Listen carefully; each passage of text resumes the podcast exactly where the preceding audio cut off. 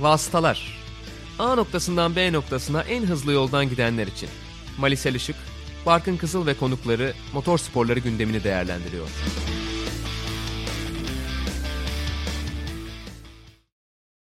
Sokrates Podcast'te Vasıtaların 70. bölümüne hoş geldiniz. 3. sezon 27. bölüm ve artık sezon finalini gördük. Max Verstappen'in şampiyonluğunun ardından mikrofonlarımızın başına geçtik. Ben Barkın Kızıl, Malisel Işık'la beraber. Mali hoş geldin. Hoş bulduk. Müthiş bir final oldu. Yani evet gölge düşüren faktörler olmuştur. Onları tartışacağız zaten bölümün içinde.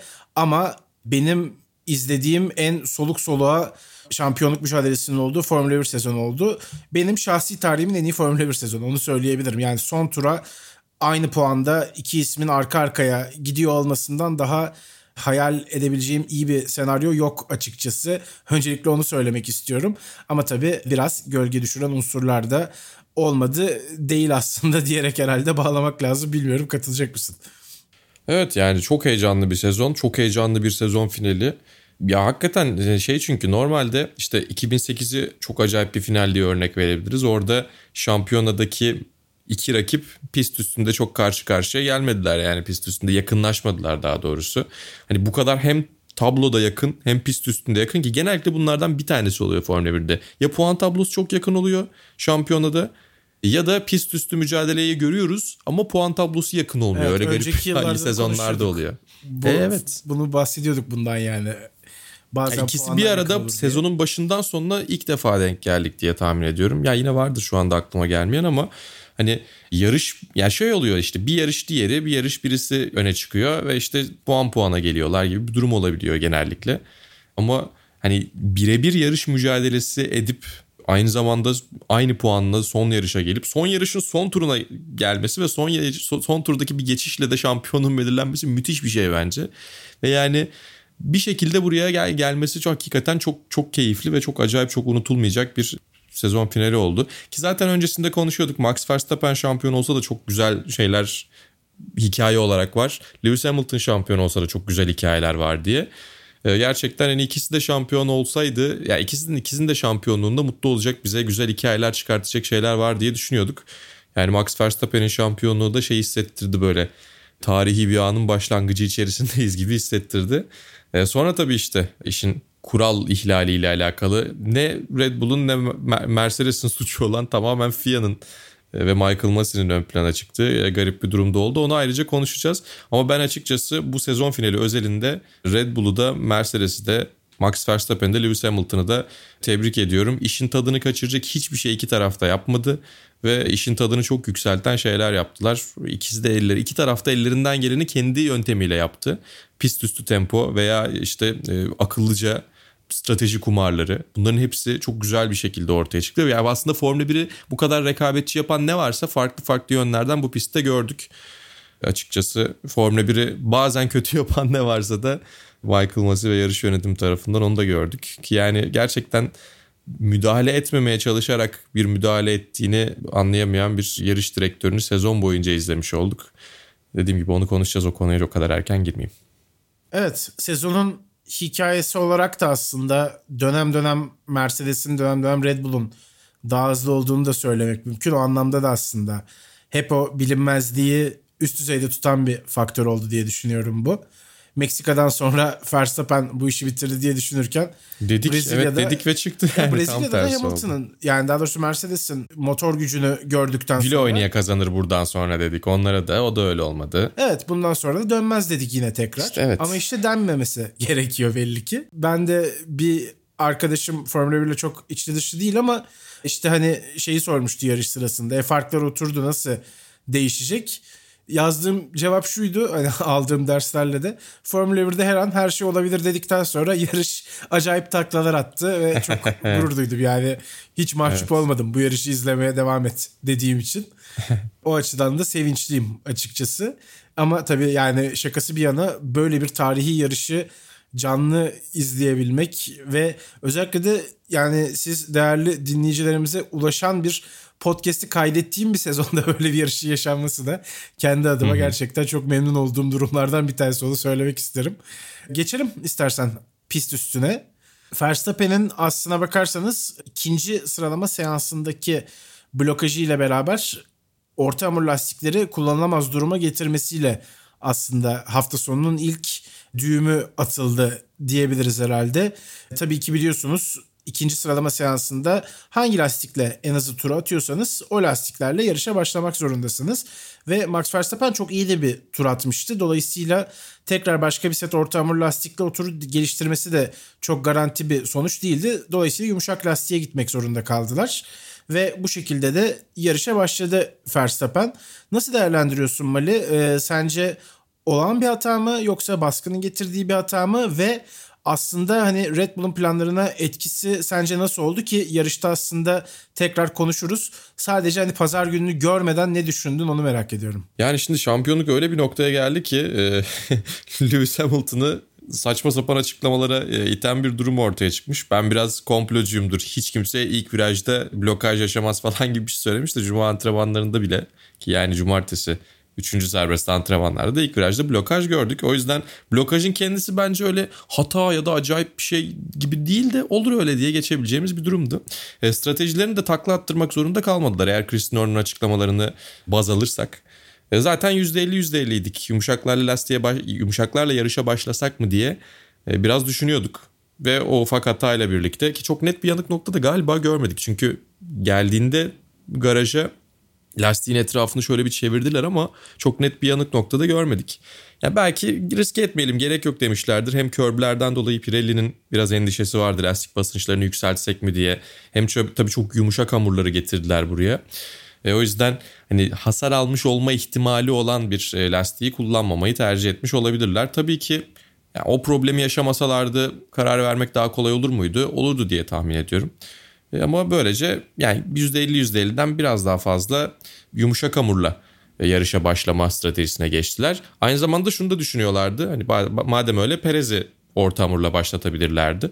Hamilton'la aynı şekilde devam ettirip e, Sergio Perez'i de aynı stratejiyle piste grid'e göndermeleri yani işte Q2'de o turu attıktan sonra tabii ki. O da birazcık startta Lewis Hamilton'ı geçip 1-2 yapıp e, öyle koruyabilir miyiz'i e, düşünüyorlardı. Yani startta avantajlı lastikle başlamanın faydasını daha fazla gördüler. Stratejik anlamda Hamilton'la paralel gidip e, ona herhangi bir şekilde karşılık verebilmek yerine. Ama tabii ki yani yarış öyle bir takla attı ki bunların hiçbirinin neredeyse önemi kalmadı. Yarışın ilk bölümü için önemliydi belki ama sonrasında e, çok bir şey değiştirmedi. Çünkü zaten Verstappen lastiklerini bitirdiğinde e, yumuşak hamur lastiklerini e, bir tur sonra Lewis Hamilton da orta lastiklerini bırakıp sert hamur lastiğe geçti ki arada herhangi bir strateji farkı olmasın riske etmesinler avantajlı bir şekilde geldi diye. Ama onun için startı ve ilk turu konuşmamız lazım önce. Evet startla başlayalım istersen zaten. Yani Lewis Hamilton'ın reaksiyon zamanı olarak da zaten daha iyi olduğunu gördük ekrana yansıyan verilerden. Pist üstünde de çok net bir şekilde Verstappen'in önünde ilk viraja geldiği bir start almış oldu Lewis Hamilton. Çekişi de çok iyi yakaladı evet. Yani zaten o noktada hani ilk büyük adımı attığını düşünmüştür muhtemelen. Artık ondan sonra çünkü önü açık şekilde ilerleyecekti. Hiçbir şekilde başka birisine bakmak zorunda kalmayacaktı.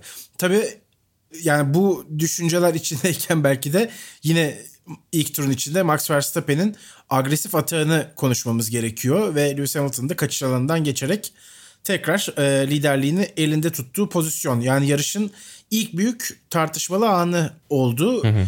Ben aslında sonra YouTube'dan işte özetleri de tabii birkaç defa daha izliyorum her yarış için. Orada orijinal anlatımda Verstappen her şeyi doğru yaptığına dair yorumlar getiriyor anlatıcılar. Hı hı. İşte körbü doğru tutturuyor. Ondan sonra beyaz çizgin dışına taşmıyor ve tamamen işte pist sınırları içinde kalarak bir nizami geçiş yapıyor gibi bir yorum vardı.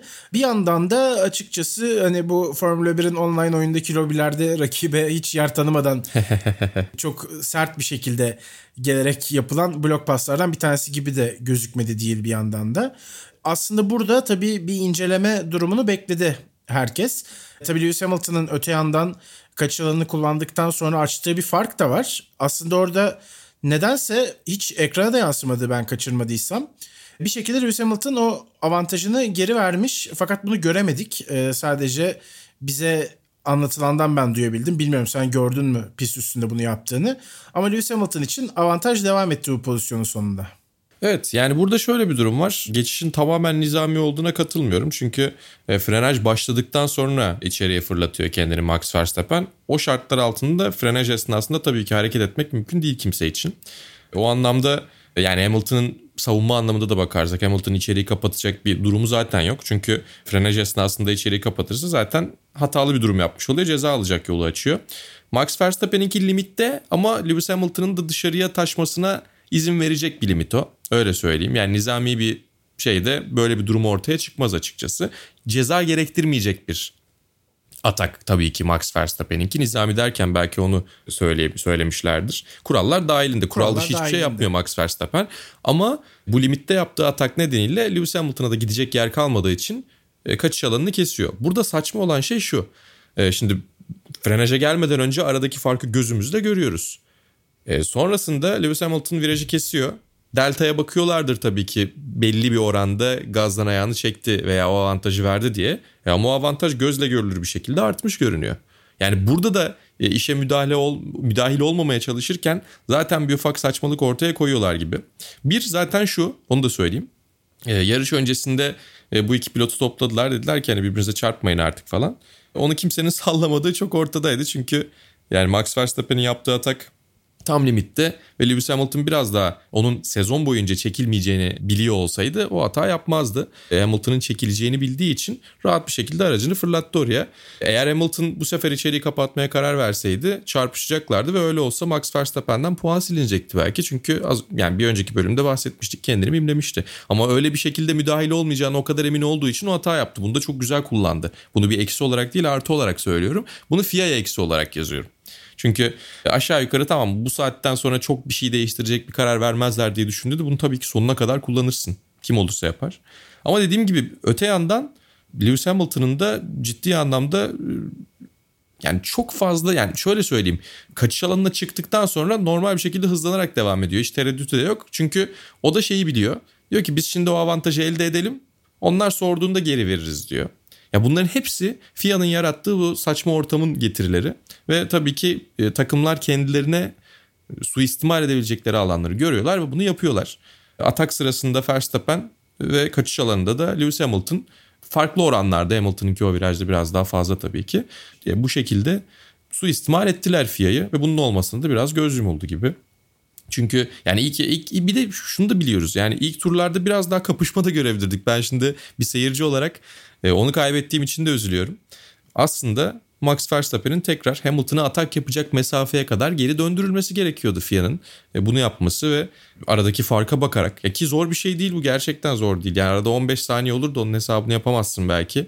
Öyle bir şey değil. Yani yan yana gelmişler ki virajı kesiyor e, Lewis Hamilton.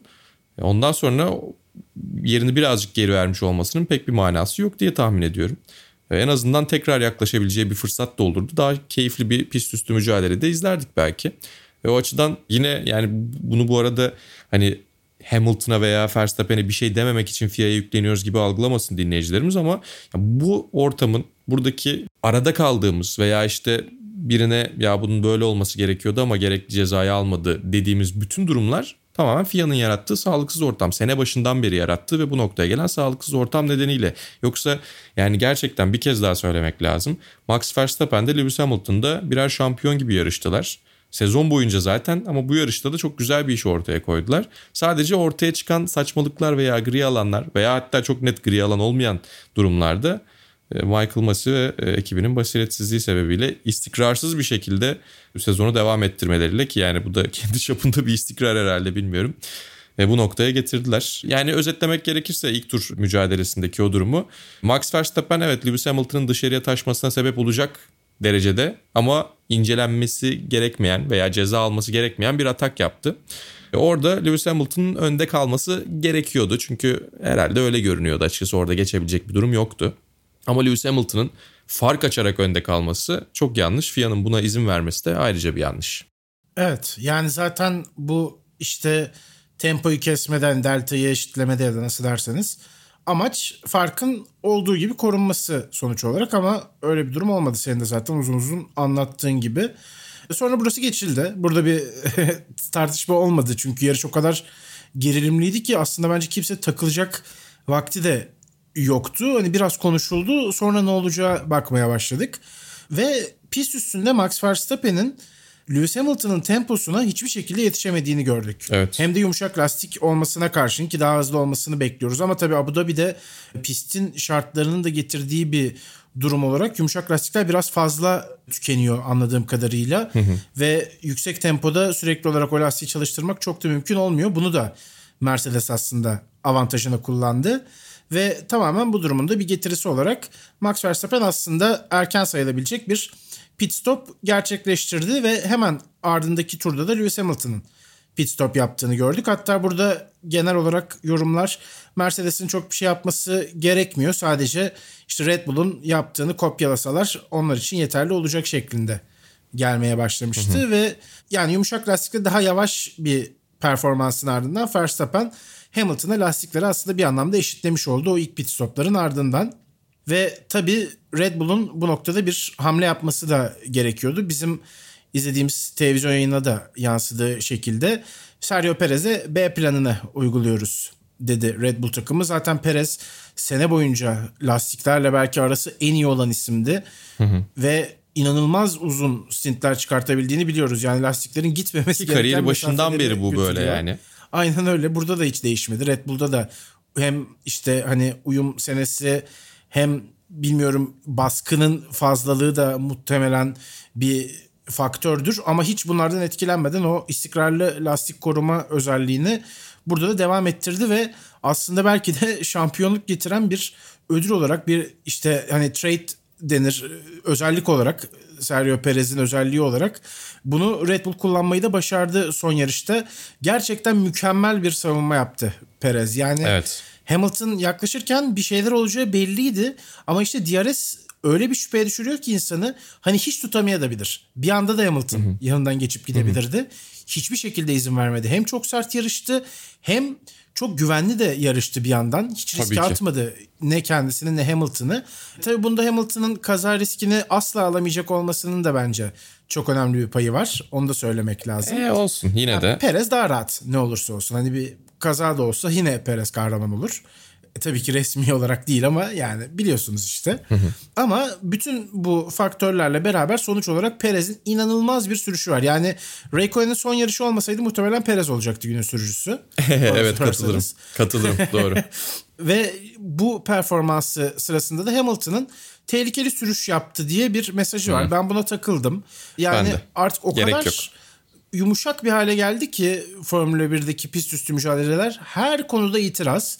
İtirazların bize ulaşması zaten bence çok tartışılacak bir karar. Artık ben onun da değişmesini bekliyorum. Muhtemelen duymayacağız artık FIA ile olan konuşmaları. Çünkü herkesin üstünde çok gereksiz baskılar yarattı. Hı hı. Reaksiyonlara da dönüştü. Yani bu yarışın sonunda da ben Michael Massey'nin Toto Wolff'a dediği burada işte otomobil yarışı yapıyoruz cümlesinin herkes benim bunu söylediğimi duysun şeklinde kurulmuş bir cümle olduğunu düşünüyorum açıkçası. Çünkü evet. o da çok büyük baskı altındaydı. Yine işte bölümün sonlarına doğru konuşacağız. Orada tekrar döneriz. Çok uzatmayayım bu Perez kısmında. Ama yani 7 kez dünya şampiyonu yüzlerce yarışa çıkmış Lewis Hamilton'ın bu sürüşe tehlikeli bir sürüş yorumu getirmesi de yani Lewis Hamilton'a yakışık almıyor demeyeceğim, ona yakışmıyor demeyeceğim. Formula 1'e yakışmıyor. Yani böyle bir ortamın sağlanmış olması bence esas eleştirmemiz gereken nokta. Evet yani dünya ünlü futbolcuların da kendini yere atıp olmayan pozisyonlarda kart beklediğini biliyoruz ki aslında yani bunu böyle bir şey yapmak işaret parmağıyla göstermek de istemiyorum ama Neymar'la Hamilton iyi arkadaşlar. Neymar'ın seviyesine kimse yaklaşabileceği için söylemiyorum. Spor bu noktaya geldiğinde e, o profesyonelliği yapmak zorunda da kalabiliyorsun. Bir de bazı pilotlar sızlanıyor bazı pilotlar sızlanmıyor. Yani baktığın zaman bir şekilde şikayet etme e, alışkanlığını elde ediyorlar. Çünkü takımlar en ufak farktan bile kendilerine bir şey devşirme yolundalar. Ve şampiyonada seviye öyle bir duruma geldi ki takımlar tarafından öyle bir yere geldi ki hani yine tabii ki FIA'da var ama en ufak bir durumda e, kasıt arıyor hale geliyorsun. Bir de yani kokpitteyken kişisel algılayabilirsin böyle şeyleri. Bence çok doğal. Yani bazı pilotlar dediğim gibi farklı şekillerde yaklaşıyorlar buna.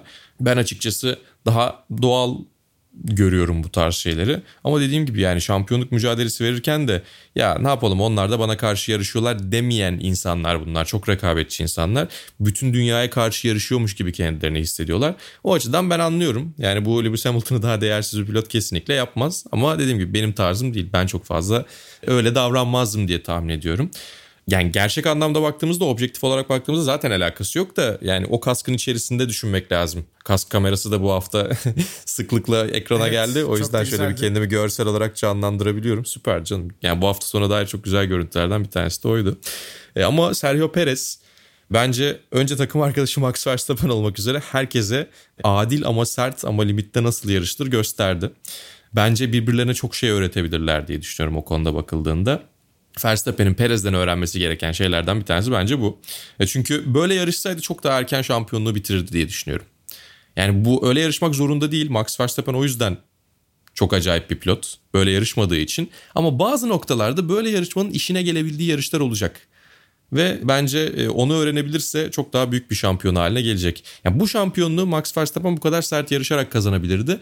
Ama e, bu şampiyonluğu daha rahat kazanabileceği bazı durumlar olabilirdi. Ve orada da Sergio Perez'in pazar günü Abu Dhabi'de yarıştığı gibi yarışması gerekebilirdi. Ki yani sezon boyunca bahsettik bazen işte Mercedes ve Hamilton gerideyken şampiyonada lidermiş gibi yarıştılar. İşte Max Verstappen ve Red Bull öndeyken şampiyonada fark kapatmak zorundaymış gibi yarıştılar. O alışkanlıkların da mutlaka etkisi vardır. Ama Perez örnek bir mücadele ortaya koydu. Ve yani yarıştan sonra yaptığı açıklama da verdiği röportaj Hani o kadar o kadar o kadar hoşuma gitti ki tam bir yetişkin şey diyor. Yani evet elimden geleni yaptım. Yapabileceğim tek şey vardı. O da takımıma yardım etmek. Umarım Lewis de beni anlar. Ben elimden geleni yaptım. Adil olmaya çalıştım diyor. Yani ben sadece takımımın şampiyon olması için, takımıma ve Max'a faydalı olabilmek için bunu yaptım diyor. Ki yani böyle şeyleri söylemek veya kendini açıklamak zorunda da değil. Ne olduğu belli orada sonuçta. Ve yani bunu çok çok çok çok doğru bir şekilde yapıyor olması açıkçası keyif veriyor. Yani çünkü bu sezon pist üstündeki mücadelelerde birbirine tam olması gerektiği kadar yer bırakan isimleri görmedik açıkçası. Hem Lewis Hamilton tarafından hem Max Verstappen tarafından. Ki geçmiş yarışlara veya geçmiş şampiyonlara baktığımızda milimetrede olsa aracın sığacağı kadar yer bırakmayı tercih edenler ve yan yana gitmeyi tercih edenleri görüyorduk işte Alonso olsun, Vettel olsun. Belli bir noktada Lewis Hamilton olsun ama bu sezon özelinde kesinlikle bunu söyleyemem. Ve Formula 1'in tekrar e, o noktaya limitte ama limiti aşmayan noktaya dönmesini isterim ben. Ve e, Sergio Perez bence bu konuda e, güzel bir ders verdi diye düşünüyorum herkese. Önümüzdeki yıl tabii araçlar bir de nasıl olacak onları kontrol etmek tepkisi nasıl olacak bilmiyorum açıkçası. E, tabii.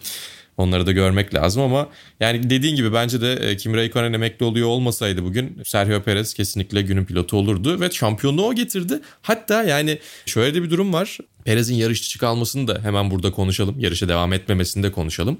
Motoruyla alakalı ciddi bir problem varmış ve güvenlik aracı periyodunu uzatıp yarışı güvenlik aracı arkasında bitirmemek için Perez'i kenara aldılar ve yarışı bitirtmediler ona. Eğer o problem olmasaydı Sergio Perez de Lewis Hamilton'ı geçebileceğini düşünüyor. Diyor ki yani yeşil bayrak çıktığında ben yarışabiliyor olsaydım 1-2 olabilirdik Max'la diyor. Ve öyle olsa takımlar şampiyonunu da alacaklardı. Yani ciddi anlamda katkı sağladı. Çok iyi bir iş çıkardı. Ya bundan daha iyisini yapamazdı Sergio Perez öyle söyleyeyim. Evet ya bu arada takımlar şampiyonluğunu Mercedes kazandı tabii. Ama Bottas'a rağmen kazandı desek ya çok şey ayıp etmiş oluruz ama içimden de geliyor. Evet senin dediğin gibi hani Perez de geçse Red Bull takımlar şampiyonu da olacaktı. En hızlı turda vardı çünkü. Yani ama yarış sonunda Red Bull cephesi sevinirken Mercedes cephesi üzüldü. Yani o kadar öne çıkan bir pilotlar şampiyonası var ki. Hep öyle. Yani takımlar şampiyonasını, markalar şampiyonasını gerçekten ya inanılmaz gölgede bırakan bir pilotlar şampiyonası öyle girdik. Yani evet. O yüzden ya de parayı markalar şampiyonasından kazanıyorsun aslında. Evet Ödül ama parası kaybeden, o şekilde veriliyor. Kaybeden sevindi, kazanan üzüldü yarışın sonunda. o da görmesi evet, çok enteresan evet. bir durumdu. Ama asıl prestij de pilotlar şampiyonasında zaten. Aynen yani öyle. Formula 1'de bazen oluyor şimdi şey gibi akademi ödüllerinde e, en iyi filmle en iyi yönetmenin farklı yerlere gitmesi gibi. Ve orada genellikle en iyi filmi hatırlıyorsun. Evet doğru. Yani Öyle düşünürsün. Ya da gerçi o, o yılın hype'ına göre de değişiyor öyle söyleyeyim. Birini hatırlay hatırlayınca diğerini hatırlamıyorsun öyle söyleyeyim. E, ama tabii ki Formula 1'de e, pilotlar şampiyonluğu çok daha önemli. Şöyle de bir açıdan bakmak gerekiyor. Red Bull her zaman pilotlar şampiyonasını daha öne koyan bir takım. Çünkü geleneksel bir üretici değiller. E, o yüzden zaten pilotu ve kişileri, karakterleri ön plana çıkarıyorlar. Bir taraftan Mercedes için o kadar kötü değildir diye tahmin ediyorum. Tabii ki pilotlar şampiyonasını kaybettikleri için üzüldüler. Ama e, Toto Wolff'ün de kutlamalara çok e, coşkulu bir şekilde katılabiliyor olmasının sebebi yönetim kuruluna takımlar şampiyonasının niye kaybedildiğinin hesabını vermeyecek olması. O biraz rahatlatmıştır yani onu. Evet ya bu arada zaten Horner'ın da o yönde açıklamaları vardı. İçecek üreticisine kaybetmek istemiyor. Hani koskoca Mercedes diye. ya Zaten da ortalığı karıştırmak için. onu, onu, onu hiç şey yapmaya gerek bile yok. Ona değinmeye gerek bile yok. Acayip trash talk oldu. E, bunlar olacaktı zaten ama. Hatta yani bir ara tadı kaçıyor. Dozu çok aşırı yükseliyor gibi de oldu sezonun içinde. Ama yani nihayetinde zaten aslında son tura kadar varan karşılıklı diyaloglar da bu sezonun hikayelerinden bir tanesi oldu. İşte maalesef diyerek tırnak içinde biz de onu aktarmıştık. Yarışta devam edelim. Geleceğiz buralara çünkü. yani o yüzden önden önden konuşup parça parça bölmeyelim. Antonio Giovinazzi'nin çıkarttığı sanal güvenlik aracı Red Bull için yine bir başka tercih noktası oldu. Aslında Lewis Hamilton için de tabii olabilirdi benzeri bir tercih. Fakat Mercedes takımı Lewis Hamilton'ı piste tutmaya karar verirken Max Verstappen geldi ve yeni lastiklerini, yumuşak lastiklerini taktı. Bence yarışın kaybedildiği ve kazanıldığı an burasıydı açıkçası. Ya şöyle bir şey söylemek gerekiyor diye düşünüyorum bu arada. Çünkü Red Bull ne zaman pite gelse ya Mercedes niye girmedi böyle şey mi olur çok duydum. E bir taraftan tabii bu sezon yeni takip etmeye başlayanlar da var. Sadece bu yarış için izleyenler de var. Bu çok güzel bir şey. Bunun tam tersini yapmak bence çok kötü. Yani ne derler eşik bekçiliği yapmak ki çok yakından takip eden insanlar olarak ya da bu konuyla ilgili bir şeyler üreten insanlar olarak bu yanlışa düşme ihtimalimiz çok var. O yüzden onu yapmamaya çalışarak söylüyorum. Yani hani bunlar bilmiyorlar ben anlatayım gibi kesinlikle söylemiyorum. Sadece açıklık getirmek gerekiyor şey onun için söylüyorum. Mi? Ya şey oluyor çünkü ya biz işte e, yıllardır izliyorduk insanlar geldi Netflix'le işte bir senedir izliyorlar ya da sadece bu yarışı izliyorlar. E izlesinler ki öyle artsın. Sen de bir ara yıllardır izleyen insanlardan sonra ilk yarışını izliyordun. İlk evet, biz öyle başladık kötüdür, bir şekilde. Bunu yapmayınız. Kötüdür evet. Onu o kamu spotunu söyleyip konuya girmek istiyorum öyle anlaşılmasın diye. Çünkü gerçekten kapılar sonuna kadar açık. Hoş geldiniz. Umarım keyif alırsınız diye söylemek istiyorum yani motorsporuna ve F1'e yeni giren insanlara. Çok acayip bir şey izlediniz kıymetinizi bilin tabii ki. Şöyle bir durum var ki yani bunu bence Red Bull daha iyi yapıyor onu da söyleyeyim. Çünkü risk alma konusunda daha hızlı bir şekilde tetiği çekebiliyorlar. Ama bu tarz durumlarda sanal güvenlik aracı ve güvenlik aracı durumunda aradaki fark pist pozisyonu değiştirecekse öndeki her zaman kaybediyor. Ya bunun en ekstrem örneğini Macaristan'da gördük. Evet. Öndeki hamleyi yapamıyor. Çünkü öndeki o hamleyi yapsaydı yani Macaristan'da grid'e gelirken Lewis Hamilton pite girip lastik değiştirseydi son sıradan başlayacaktı. Çünkü kimse girmeyecekti. Ya da birkaç kişi girecekti. Ama Lewis Hamilton girmediği için diğerleri tam tersini yapmak zorunda kaldılar. Ve yani doğru hamle de oydu aslında. Tek başına start alan bir Hamilton görmüştük. O da sezonun en acayip karelerinden biriydi. Yani neler neler yaşadık. Bak şu iki buçuk sene önce gibi geliyor bana Macaristan Evet ya inanılmaz. Ben gerçekten sen söyleyince hatırladım öyle söyleyeyim sana. Yani en önde olan her zaman kaybetmeye mahkum. Çünkü pite gelse diyecek ki arkadaki tamam ben gelmiyorum pist üstü pozisyonu elde ediyorum diyecek. Ve pist üstü pozisyon gerçekten önemli. Bunu da gördük zaten sonraki e, yani starttan itibaren farklı açıldı tekrar. Güvenlik aracı, sanal güvenlik aracı çıktıktan sonra bir yeniden start olmadı aslında ama ağız alışkanlığından söylüyoruz kusura bakmayın. Yani burada Hamilton ne yapsa tam tersini yapacaktı zaten Verstappen ve Red Bull. Hamilton ne şey yapmasa onu yapacaktı. bu noktada. bir telsiz konuşması bizlere yansıdı hatırlıyorsan. Sanal güvenlik aracı olması durumunda orta hamur mu yoksa yumuşak lastik mi tercih edersin diye evet. sordular Hamilton'a. Bunda ee, giderim bu iyi fark dedi. Etmez ama bu iyi dedi. Yani kalmak için aslında bir alt metin verdi orada. Hani girmesek de olur mesajını bence ya hem öyle verdi. Ya bir de şöyle bir şey var tabii ki Hamilton'ın fikrini soruyorlar. Hamilton'ın yaptığını %100 uygulama ya taraftarı da olmayabiliyor bazen. Öyle. Çünkü bunu Rusya'da öyle. iyi yaptılar, Türkiye'de kötü yaptılar. Böyle örnekler verebiliriz mesela. Ay Hamilton'ı şuradan biraz eleştireceğim. Hı. Sonra da beni piste tutmak doğru karar mıydı diye onlara sordu. Yani E işte yani Hamilton bu konuda sezon boyunca şey yapıyor. Ya bana niye bunu yaptırdınız? Yine takımı çok belki de ateş altına atıyor. Yani ama dediğim gibi bazı pilotlar öyle bakıyorlar. Bazı pilotlar tam ters şekilde bakıyorlar. Bunu böyle iyi ya da kötü diye düşünmemek gerekiyor. Ama evet dediğin gibi yani, yani bana niye bunu yaptırdınız diyemezsin. Takıma güvenmek gerekiyor. Ben öyle düşünüyorum en azından. İşin Tam tersine bakarsak da Mercedes bu sene daha önce hiç olmadığı kadar strateji hatası yaptı. Yani o davranışa kendini yaklaştırmasının da bir sebebi var. Bu tabii ki yaptığını sadece açıklar, meşru göstermez onu da söyleyeyim. Bence takıma sürekli ki Türkiye Grand Prix'te de bunu görmüştük. Ya beni niye böyle bir pozisyona soktunuz dememek gerekiyor diye düşünüyorum. Çünkü Rusya'da da e, o galibiyeti getiren takımın Hamilton'a ısrarıydı. Yoksa aynı McLaren gibi yapabilirlerdi. O zaman Verstappen çıkar yarışı kazanırdı. Arkada sürünürdü o da yani.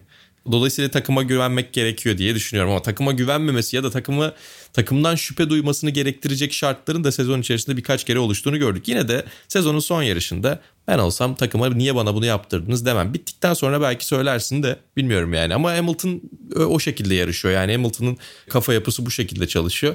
Bu daha önce ilk defa gördüğümüz bir şey değil sonuçta. Takımla iletişimi o yönde öyle söyleyeyim. Ve bu yani işe yaramıyor olsaydı da bu kadar şampiyonu kazanmazlardı belki. Sana WhatsApp üstünden getirdiğim tespiti paylaşmak istiyorum bu noktada. Bence bu yarışı aslında Hamilton kazanmayı hak etti. Pist üstü performans olarak söylüyorum. Hı hı, kesinlikle. Ee, işte starttan alarak da bakabiliriz. Sonrasındaki tutturduğu tempoyu da düşünerek. Yani Lewis Hamilton Max Verstappen'e göre daha iyi yarıştı. Max Verstappen günün en iyi sürüşü ondan geldi kendi gerçekten öyle. Hakkını kendi, vermek lazım. Kendi standartlarında diyelim çok iyi bir yarış geçirmedi aslında. Hı hı. Ki sezon içinde bence Hamilton'a göre daha üst düzey performansları sergileyen de Max Verstappen'di. Ona da katılıyorum. Doğru. Ama bu yarış üzerinde gerçekten Hamilton önde bitirmeyi hak etmişti bana sorarsanız. Hı hı. Fakat Mercedes bu yarışta daha kötü kararlar verdi ve Red Bull hem daha cesur hem daha aktif kararlar vererek bence Mercedes'i mağlup etti. Yani aslında yani markalar şampiyonasında ya da takımlar şampiyonasında şampiyon olan Mercedes belki bu yarışı Hamilton'a kaybettirdi. Fakat ee, orada ikinci olan Red Bull'da Verstappen'e bu yarışı kazandırdı diyebiliriz herhalde. Bilmiyorum evet, dinleyicilerimiz katılır mı buna ama böyle bir gözlemim olduğunu da söylemek isterim açıkçası. Evet böyle bir ters durum ortaya çıktı. Ama şey de var yani yarış özelinde sana çok fazla katılmıyorum ki zaten hani daha önce de aynı şekilde konuşmuştuk çok erken bir şekilde şampiyonluğu kazanabilecek pozisyona ve rahatlığa geldi Mercedes. Ve Mercedes elinde iyi bir fırsat varken daha doğrusu avantajı eline geçirmişken kesinlikle risk almıyor. Zinhar risk almıyor ve bazen o risk almamak riskli bir hareket haline evet işte, gelebiliyor. Evet işte bu, bu çok iyi bir tercih olmadı bence günün sonunda. Yani onu zaten eleştiriyorum. Hiç risk Ama şöyle bir durum da var mesela. Bir şekilde riskli durumlar oluştuğu zaman bu defa sizin suratınızda patlıyor.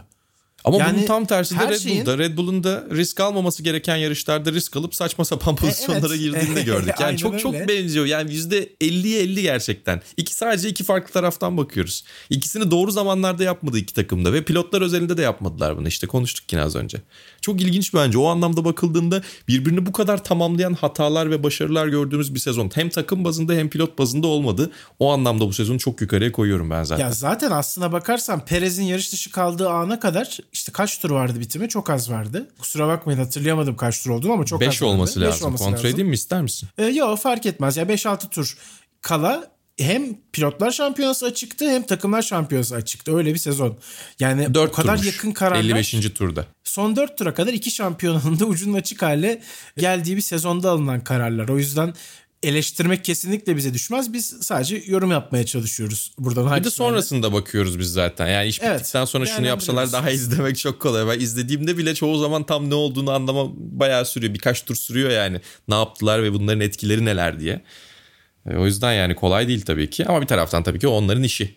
Benim üstüne sadece konuşma gibi bir işim var. Aynen öyle. O yüzden biz rahatız. Bize Aynen. kulak asmayın yani şey yapmayın. Aa o zaman siz gidin yönetin diye lütfen dönüşlerde bulunmayınız. Evet, öyle bir iddiamız yok yapamayız. Çok kötü olur. Felaket olur, olur yani. Çok kötü olur. Latifi'nin kazasına gelelim. Yine son 5 turun içinde gelişen bir olay. Yine aslında Hamilton'ın şampiyonluğu adım adım gelirken yaşanan bir olay. Yarışı inanılmaz kıran bir olay aynı zamanda. Hı hı. Ve yani bu inanılmaz sezonda bize tek turluk bir şampiyonluk yarışı izleten kaza oldu. Latifi'nin evet. kazası. Ondan önce Schumacher'le mücadele ediyorlar. Timo Glock. Hatta işte şey Massa selamını gönderiyor diyerek duvara çarptı diye bir yazı okumuştum. Ona gülmüştüm biraz. Ben de izlet Latifi diye tweet attım. evet, Hepimizin aklına geldi inanılmaz o da yani. gayet. Ben de Latifi'ye Formüla'ya hayırlı olsun diye bir tweet evet. atmıştım bu arada yani. Hatta madem yani. sayıyoruz e, sosyal medya içeriklerini Latifi sevgili arkadaşımız Vay güzelmiş. Sevgili e, arkadaşımız ve meslektaşımız e, Berkem Ceylan da e, Latifi Hollanda'da biraya para vermez artık dedi. Aynen öyle. ya çok acayip. Burada şey ilginç.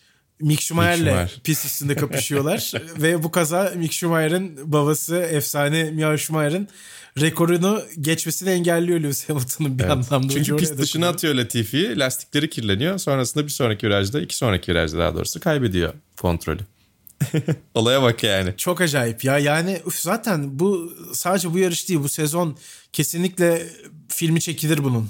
20 sene sonra görürüz bu öyle izleriz. Evet herkes aynı şeyi söylüyor. Bakalım Netflix nasıl yapacak? Yani bu sefer çok iyi yaparlar diye düşünüyorum. Çünkü bunu kötü yapmak. Bunu geçen sene de söylemiştik. Bu sezonu kötü yansıtmak zor değil de bu çok net onların istediği Yok, tarzda bunu, da bir Bunu kapışma. hiçbir şekilde kötü yansıtamazlar yani mümkün evet. değil yani.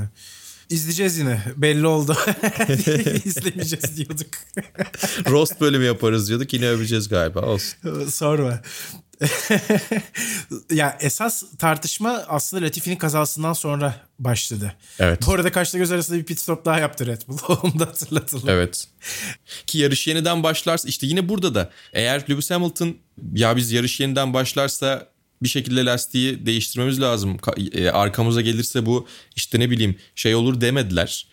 Geçer yani bir anda öyle kalırız hani çok net bir şekilde avantaj olur demediler. Çünkü eğer diyelim ki alternatif bir senaryo sunuyorum. Yarışın yeniden startına o kadar inanıyorlarsa pit stop yapsalardı pist üstü pozisyonu kaybedeceklerdi. O zaman diyecekti ki Verstappen e tamam ben gelmiyorum pite diyecekti. Evet işte bir anda şampiyonu kazanacak pozisyona gelecekti. Bir, bir Ve yani onlar pit stop karar verici pit stop oldu dedim ya yani yarışı orada kazanıp Hı-hı. kaybettiler dedim ya aslında tamamen bununla Hı-hı. ilgiliydi. Hı-hı. Hani taze lastikleri önceden Max'in geçmiş olması elini acayip kuvvetlendirir çünkü son pit stop. Ya işte ilgili. ben e, ama şöyle oldu. O taze lastiklerle farkı kapatamadı doğru düzgün. Yani e, tabii, çok tabii. acayipti bence. E, ve şöyle bir durum var. Yani hani sonrasında dediğin gibi yumuşak lastiklere geçmesi de elini çok kuvvetlendirdi ama Mercedes ne yapsa kazanamayacaktı stratejide. Çünkü öndeydi. Önde olan bu yarıştaki bu şartlarla kaybediyordu zaten. Ya onların ya tek yapabileceği şey e, bir şekilde herhangi bir olay olmamasını ummaktı ama olay oldu. Burada şöyle bir dediğim gibi alternatif senaryodan bahsedersek e, Hamilton pit'e gelseydi Verstappen gelmeyecekti ve Mercedes yarışın güvenlik aracı altında biteceğini düşünüyordu. Veya şöyle düşünüyordu. Güvenlik aracı altında bitmezse de e, arada araçlar olacak. Arada araçlar olursa zaten güvenlik aracı altında bitmesi gerekiyor tur sayısına göre hesap yaptılar. Ondan sonra Michael Massey'nin kural kitapçığına yeterince hakim olmadığı ve ya ben kafama göre bir şeyler yaparım bu ikisini yarışsınlar diye ortaya koyayım ki müdahale etmedi desinler diyerek şampiyona en büyük müdahaleyi yaptı ki bence bu çok korkunç bir şey. Yani hani birazcık bilimle alakalı e, bir şeyler okumuştur gençliğinde en azından denk gelmiştir diye düşünüyorum. Çift yarık deneyi diye bir şeyden haberdardır diye düşünüyorum. Sadece gözlemleyerek de sonucu değiştirebildiğiniz bir yerde bakmamanız, gözlemlememeniz gerekiyor. Kural neyse onu uygulamanız gerekiyor. Şampiyonluk mücadelesini gördüğün anda, şampiyonluk mücadelesi olarak gördüğün anda onu 33 ile 44 arasındaki bir pist üstü mücadele ya da işte yani birinci sırada 44 var, ikinci sırada 33 var. Arasında da işte diğer pilotların numaraları var gibi görmediğinde ki bunu Serhan abi e, genellikle sevgili Serhan Acar güzel bir örnek olarak verir. Kişisel olarak algılanmasın diye araç numaraları ile kararlar verilir diye bir durum var FIA'da ve tabii ki yani motor sporlarında. Ve bunun tam tersine giderek ortada bir şampiyonluk mücadelesi olduğunu düşünerek bir karar yarış içerisinde verirseniz bu işi batırıyorsunuz. Michael Massey ve yarış yönetimi de burada patladı bence zaten. E, sadece doğru olan şeyi yapmaları gerekiyordu. Bir e, robot gibi, bir yapay zeka gibi. E, ama yani gerçekten çok garip bir durum ortaya çıktı. İstiyorsan oraya da hazır girmişken e, sen birazcık özetle bize neler oldu neler bitti sonra üstüne konuşalım. Şöyle oldu aslında. Öncelikle çıkan karar tur yemiş araçların ki dört otomobil vardı Verstappen ile Hamilton arasında.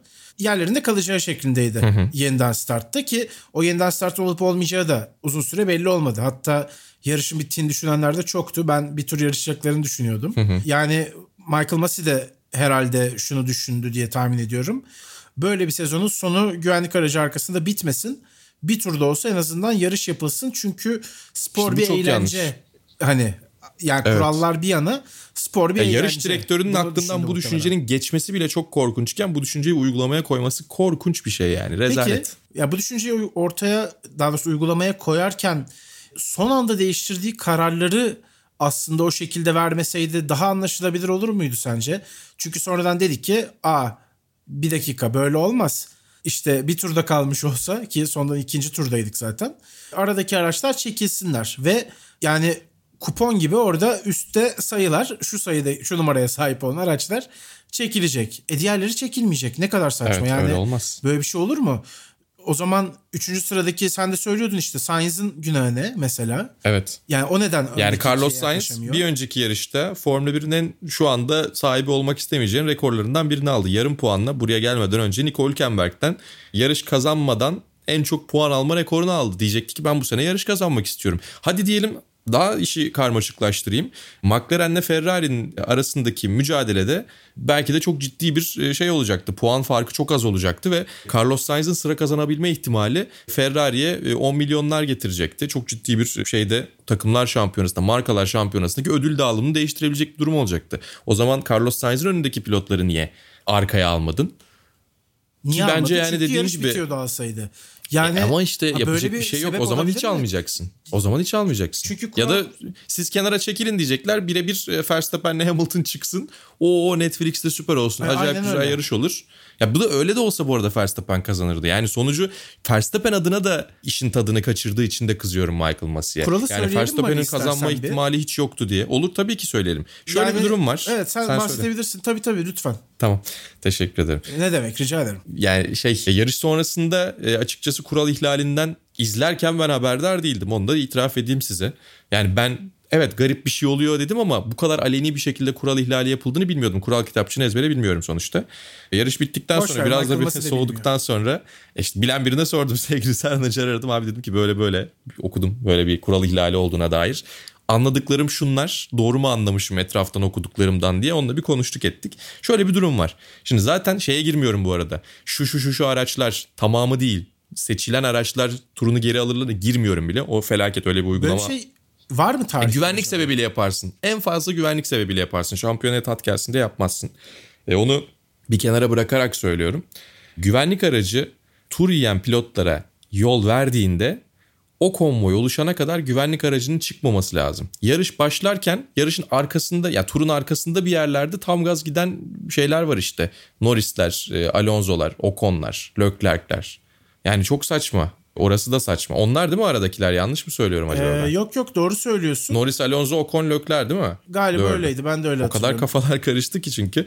Yani yarış başlarken o konvoyun oluşmuş olması gerekiyor. O konvoyun oluşmuş olması için bir tur daha atılması gerekiyor. O turda son tur. Dolayısıyla güvenlik aracı arkasında eğer aradaki araçları çıkarmak istiyorsan yarışın bitmesi gerekiyordu. Ama güvenlik aracı arkasında yarışı bitirmek istemeyebilirsin. Çok mantıklı. Ki zaten aradaki araçları niye çıkarıyorsun o zaman? Güvenlik aracı arkasında bitecekse. Hani ilk baştaki aklından geçen şeye de uymuyor bu. Bunların aklından geçmesi dediğim gibi zaten skandal kural neyse onu uygulaması gerekiyor zaten ama neyse ki şöyle yapılabilir. dolayı çeviriyor kararını muhtemelen. E işte yani Red evet Bull'un şeyde de gördük bunu. dolayı çeviriyor tamamen e, kararını. E grid, grid pazarlığında da gördük. E ama bu de olmaz ki yani böyle bir şey. Olmaz tabii ki böyle bir rezalet olur mu? Yönetim şekli olabilir mi yani? Ya benim kadar anlayacaksa ben yapayım madem bana sallasınlar ya. Hiç olmazsa ekranda görürsünüz falan sen vasıtalarda benim arkamdan konuşursun. Keyif olur ne bileyim yani paşam gördün beni televizyonda derim. Sonra Mercedes'te de işte o no Mikey ne yaptın Mikey oldu mu Mikey? Onu yerine Mali desinler. E, e, ya böyle bir şey ama yani. Masi hani... gitsin Mali gelsin zaman madem bu kadar kötü yapacaksın. Ben bu kadar kötü yapabileceğimi düşünüyorum. Kendime güveniyorum açıkçası. Formula 1 İşin ikinci kısmını da söyleyelim. Kuralın ikinci kısmını da söyleyelim. Olabilecek alternatiflerden bir tanesini. İki turda iki tur kala da başlatabilirdi hatta bence diye tahmin ediyorum. Ona bir bakmak lazım. Pist üstünde görevli kimler vardı, Yok, ne zamandı? Pist güvenli galiba miydi? başlatabilirdi. Ben Hadi diyelim yine son tur olsun. Aradaki araçlarla başlat. Hiç uğraşma onunla. Aradaki araçlarla başlat. Eminim ki start finish düzünde zaten çekilecekler. Mavi bayraklar deli gibi sallanıyor ve kimse şampiyonaya bu kadar müdahil olmak istemiyorken Yine tur içerisinde Max Verstappen Lewis Hamilton'ı geçebilecek bir pozisyona gelecekti ve ben eminim ki geçecekti. Hem zaten acayip bir fırsat önüne gelmiş onu kaçıracak bir pilot değil Max Verstappen hem de lastik anlamında da avantajı vardı. Bu arada da sağ kalfına acayip bir kramp girmiş düzlükte. Yani 5. virajı 2 vardı frenaj olarak birazcık gazdan ayağımı çektim. Sonra çok uzun süre böyle o kas paramparça oluyorken böyle içine doğru kasılıyorken kıvranıyorken geçiş yapmak zorunda kaldım zorlandım dedi. Ona da bol bol potasyum, muz tavsiye ediyoruz. Bol bol su içsin. Size de arkadaşlar kramp öyle e, şakaya gelmez. Hep portakal e, İşin olmaz. şakası bir yana evet hep portakal olmaz arada bir muz da lazım. Güzel. Yani şey bunu bu şekilde yeniden başlatabilirdi. Dediğim gibi iki tur veya bir tur aradaki araçları bence çok rahat bir şekilde start finish düzlüğünde veya dediğim gibi bir sonraki kısımda zaten önlerine kalmadan yer verdirebilirlerdi ve eminim ki Verstappen yine yetişir geçerdi. Yine bu sefer hiçbir şaibi olmadan bu son turu yani acayip bir şey izledik diye konuşabilirdik. Çok ayıp bir şey bu. Her şeyden önce Max Verstappen ayıp. Çünkü şampiyonluğu üzerinden böyle bir ya keşke böyle olmasaydı dediğimiz bir durum var. Ki inanılmaz bir sezon ortaya koydu. E bir taraftan Lewis Hamilton'a çok ayıp çünkü yani şimdi bir de süreç uzuyor. Karar tersine dönse Red Bull'a ayıp değil mi? Çok ayıp. Öyle bir şey olur mu yani? Olmaz zaten. Max Verstappen ayıp değil mi? Ayıp. E yok zaten Ama bir taraftan gereken taraf Red Bull değil. Kural dışı ya daha doğrusu kuralların tam olarak uygulanmadığı bir yarışta kaybettiği için ve dediğim gibi yani bu kurallardan bir tanesi uygulansa yarış güvenlik aracı arkasında bitirilse ihtimallerden biri uygulansa Lewis Hamilton şampiyon olacaktı. Onlara da çok yazık. Onlara da çok ayıp. Yani çok saçma bir durum ve bunun suçlusu tamamen yarış yönetimi ve yarış direktörü Michael Masi çünkü sezonun kontrolünü bu ikisi şampiyonluk mücadelesi veriyorlar ve ben, benim her attığım adım izleniyor diye düşünerek ben ön plana çıkmamalıyım diye kendini zorlayarak ön plana çıktı. Yani çok çok çok büyük rezalet. İhtimallerden bir tanesi yine çok şey yapıyorum. Uzak bir ihtimal olarak söylüyorum. Doğru diye değil ama yani yine daha iyiydi diye söylüyorum. Kırmızı bayrağı erken bir şekilde çıkartırlardı. Son işte bir tur iki tur kaç tur olabiliyorsa bu işin kırmızı bayrağı gitmesi gerekiyor kısmını bir kenara bırakarak söylüyorum. Çünkü yapılması gerekiyordan ziyade nasıl bunları eşit bir şekilde bitiririz gibi bir durumda ortaya çıktı. E, o zaman herkes lastiğini değiştirirdi. Yumuşak lastiklere geçerlerdi. Hamilton'la Verstappen yan yana kalkarlardı.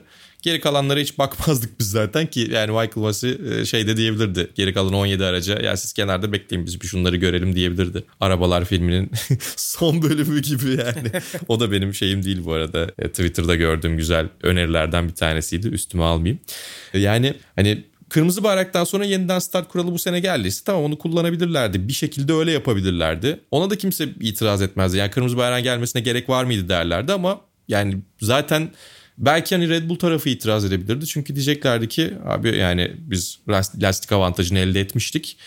O lastik avantajını kaldıracak şekilde bir karar alman doğru değil diyebilirlerdi. Ama bu, yani bu zaten şey oluyor. Bir yarışta sana bir yarışta bana gibi oluyor. Bunu iyi bir örnek olarak sunmuyorum. Bu bile daha iyiydi diye söylüyorum.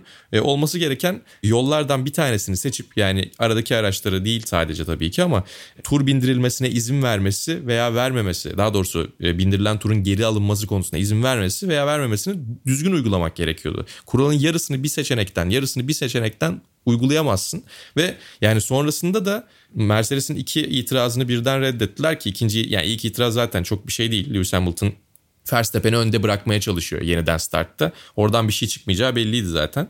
Bir itirazla daha gitmiş oldular. Buna da bir bakılsın diye. Onların da çok böyle arkasına dayandığını düşünmüyorum ya da işte çok arkasında durduğunu düşünmüyorum. Ama yani yani bilmiyorum çok çok acayip bir durum ortaya çıktı. Ve dediğim gibi ikinci itirazda da FIA kendi kuralında açık aradı ve sonra şöyle bir şeye geldi. E, yarış direktörü eğer kendi inisiyatifinde olursa bu kuralları değiştirebilir. E o zaman kural kitapçı, kitapçı diye bir şey net bir şekilde yazılmasın. Ki yani bak gri alanda bunu yapsa tamam. Güvenlik anlamında yapsa tamam. Ama yani pilotlara son turda bir yarışma fırsatı verelim şampiyona böyle olsun diye düşünerek zaten yapamaz. Ki gri alanları çok eleştiriyoruz siyah ve beyaz çok net bir şekilde belirtilmiş bir kural bütününde, kural kısmında bunu yapması imkansız zaten. Yani güvenlik aracı içeriye girecek şey bir kere daha yani bir kez çıktıktan sonra onu geri alamıyorum gibi bir şey yok. Geri alamıyorum diyorsa kurallar karşısında e, boynum kıldan ince diyor. O zaman e, ben bunun önüne geçip istediğim kararı verebiliyorum diyemiyor. Yani FIA kendi içerisinde de saçma sapan bir durumda ve yani buradan sonra ne yapılması gerektiğini bilmiyorum. Ben önümüzdeki sene Michael Massey'nin herhangi bir şampiyonayı kontrol edebileceğini düşünmüyorum. Ya zaten bence bu iş şöyle çözümlenecek. Michael Massey gidici ve biraz da işte bu sene böyle yönetildi ama biz bu anlayışla devam etmek istemiyoruz. Çok fazla tartışma döndü. O yüzden Michael Massey ile yollarımızı ayırıyoruz. Bundan sonraki dönemde herkese başarılar dilerize bağlanacak diye düşünüyorum bu olay öncelikle. Hatta Massey'nin işte o tekrarının da önlenmesi lazım başka Toto, birisiyle. Toto yani. Wolff'a gönderdiği mesajda da bu kadar sert ve kararlı duruşunun sebebi de bence artık ben gidiyorum bana eyvallah. Olabilir. Gitmeden önce şu lafımı da söyleyeyim öyle gideyim. Bu adamlar beni çok yıprattı hani artık ben de bir cevap vermiş olayım. Mic drop karizmatik çıkış yapma mesajı bence Michael Massey'ninki. O da gereksiz işte. Yani. E o da gerekli değil işte. Yani öyle bir yerlere geldi ki çünkü bu kadar Yani sohbet ilerleyince Red Bull Mercedes Masi üçgeninde yani bir samimiyet kurulmuş gibi oldu. Hani bu pozitif anlamda Yüz değil. göz oldular Yüz göz oldular evet. Yüz göz olundu bir yerden sonra. E bize bu kadar yansıması bence hiç doğru değil zaten. Bence onu kesinlikle değiştirsinler. Ben keyif alıyorum takip etmekten ama yani Formula 1'in işine gelmiyor bu. Sonuç olarak bizim seyir zevkimizden kısıyor bir noktadan ardından. İşte daha fazla yöneticilerin şovlarını konuşuyoruz. Kaç bölümdür? Biz Horner, Wolf, Masi konuşuyoruz. Alex Brandl'ın şöyle bir önerisi var Barkın. Katılır mısın bilmiyorum. Yarış yönetimi takımlarla iletişim kurabilsin. Yani tek yönlü gidebilsin ama takımlardan yarış yönetimine bir şeyler gitmesin diye. Ben bu kadar öyle olduğunu düşünmüyorum çünkü bazı konularda gerçekten ulaşılması gereken durumlar var. Ama ne zaman ulaşabileceğine çok daha net bir şekilde FIA karar versin ve yarış direktörü karar versin. Her akıllarına estiği zaman ulaşamasınlar diye düşünüyorum. Bazı konularda da çünkü duvardan sekip geri dönmesi daha doğru o ses dalgalarının. E, bence de öyle. Bence de öyle izinle yani konuşma izni aldıktan sonra konuşsunlar ki süreç öyle işliyordur belki şeyde kitapçıkta. Prosedür öyledir ama bu sene öyle bir prosedür görmedik. Öte yandan ben yarışın son turda da olsa yapılması gerektiği fikrine senin kadar katı karşı değilim. Bence de Hayır hayır doğru. Güvenlik aracı yani güvenlik aracı arkasında bitse çok olsun. kötü olurdu. Güvenlik aracı arkasında bitmesi bence de kötü olurdu. Ama böyle bitmesinden daha iyi olurdu. Onu söylemeye çalışıyorum. Burada ben yani bence yapılması gereken arada araçları bırakıp son tur yarışılmasına doğru. izin verilecekti. Buna Verstappen yine geçecekti. Şampiyon olacaktı. Ya yine biz Verstappen'in acayip Verstappen, şeylerini konuşacaktık. Verstappen ya da Geçerdi Hamilton ya. önemi yok aslında. Bence geçerdi. Ya önemi yok tabii ki de ya sonuç da değişmeyecekti. Onu söylemeye çalışıyorum sonucu değiştirecek bir durum da yoktu. Aha, Arada anladım. araçları bırakacaklardı. Son tur yarışacaklardı bence de. Sadece yani bu kuralları birbirine karıştırıp ortaya daha farklı olmayan bir şey çıkartmadan daha iyi olurdu. Güvenlik aracı arkasında bile bitse. Onu söylüyorum. Yoksa benim de kesinlikle tercihim güvenlik aracı arkasında bitmesi olmazdı. Garip olurdu yani. Evet. Nihayetinde bir numara grid'e geri dönüyor muhtemelen. Evet. Öyle açıklamaları vardı. Tabii Max tabii evet. kullanacağına dair. Tarihin 34. Formula 1 şampiyonu. Hollanda'nın ilk şampiyonu. Hı hı. Ve çok uzun bir hanedanlığı belki de yıkan adam oldu Max Verstappen.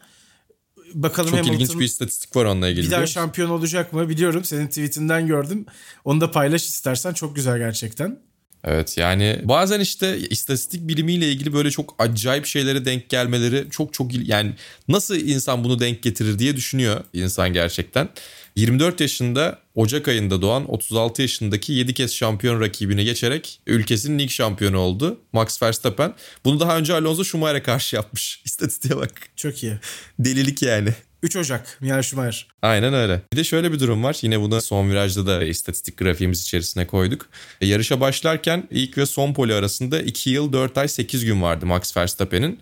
Emerson Fittipaldi'nin de öyleymiş ve 74'te o da eşit puanla gelip şampiyonluğu elde etmiş. Olaya bak sen yani. Bir de şey vardı. Lewis Hamilton şampiyon olduğu hiçbir yarışta pole pozisyonuna yarışa başlamış istatistiği vardı ama o evet. istatistiği kullanamadı. E, bazıları da patlıyor zaten işte. Yani hani bu ortaya çıkan durumların hepsi öyle olacak gibi değil. İstatistikle geleceği göremezsiniz tabii ki ama istatistikle farklı desenler, farklı patternlar yakalayabiliyorsunuz. Ha bu da böyleydi diye. Evet. Sir Alex Ferguson'ın bir sözü vardır bu konuyla ilgili. Araştırmak isteyenler evet. varsa bakabilir. Çok şahane bir mücadele izledik ne olursa olsun. Aslında öyle Tabii bence. Canım, sportif açıdan lazım. çok güzeldi. Yönetim açısından sadece kötü bir tat bıraktı. Yoksa Max Verstappen de Lewis Hamilton da bize çok güzel bir sezon izlettiler. İyisiyle kötüsüyle.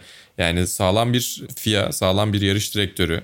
Belki Charlie Whiting olsa hiç aması olmadan tarihin en iyi sezonu diyecektik yani. Evet kesinlikle katılıyorum ben de. Ya bana göre tarihin en iyi sezonu ama işte düşen gölgeler. İşte hayır, kaosla birlikte zaten tarihin en iyi sezonu. Ona ben de katılıyorum. Ama daha az kaotik bir şekilde de tarihin en iyi sezonu olabilirdi. Öyle bir potansiyeli vardı bahsettiğim şey o.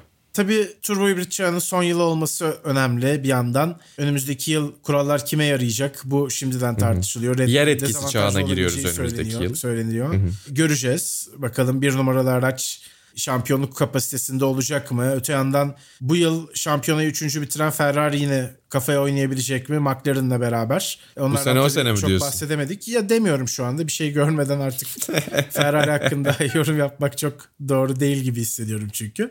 Ama bu sene Ferrari kendi beklentisine göre bence çok büyük ilerleme kat etti. En azından benim onlardan beklediğime göre çok büyük ilerleme kat etti. Bir noktadan sonra gerçekten belki evet yarış galibiyeti için değil ama düzenli podyum için neredeyse yarışmaya başlayabilecek seviyeye gelmeleri ve bunu kaynakların aslında bir kısmında seneye ayırarak yapabiliyor olmaları biraz yönetimsel anlamda doğru kararları vermeye başladıklarının bir işaretçisi bence. İkimiz de bu arada Carlos Sainz'in yarış üçüncü bitirdiği de Sainz'i röportajda görünce anlamışız. O da enteresan evet. bir nokta onu da söyleyelim.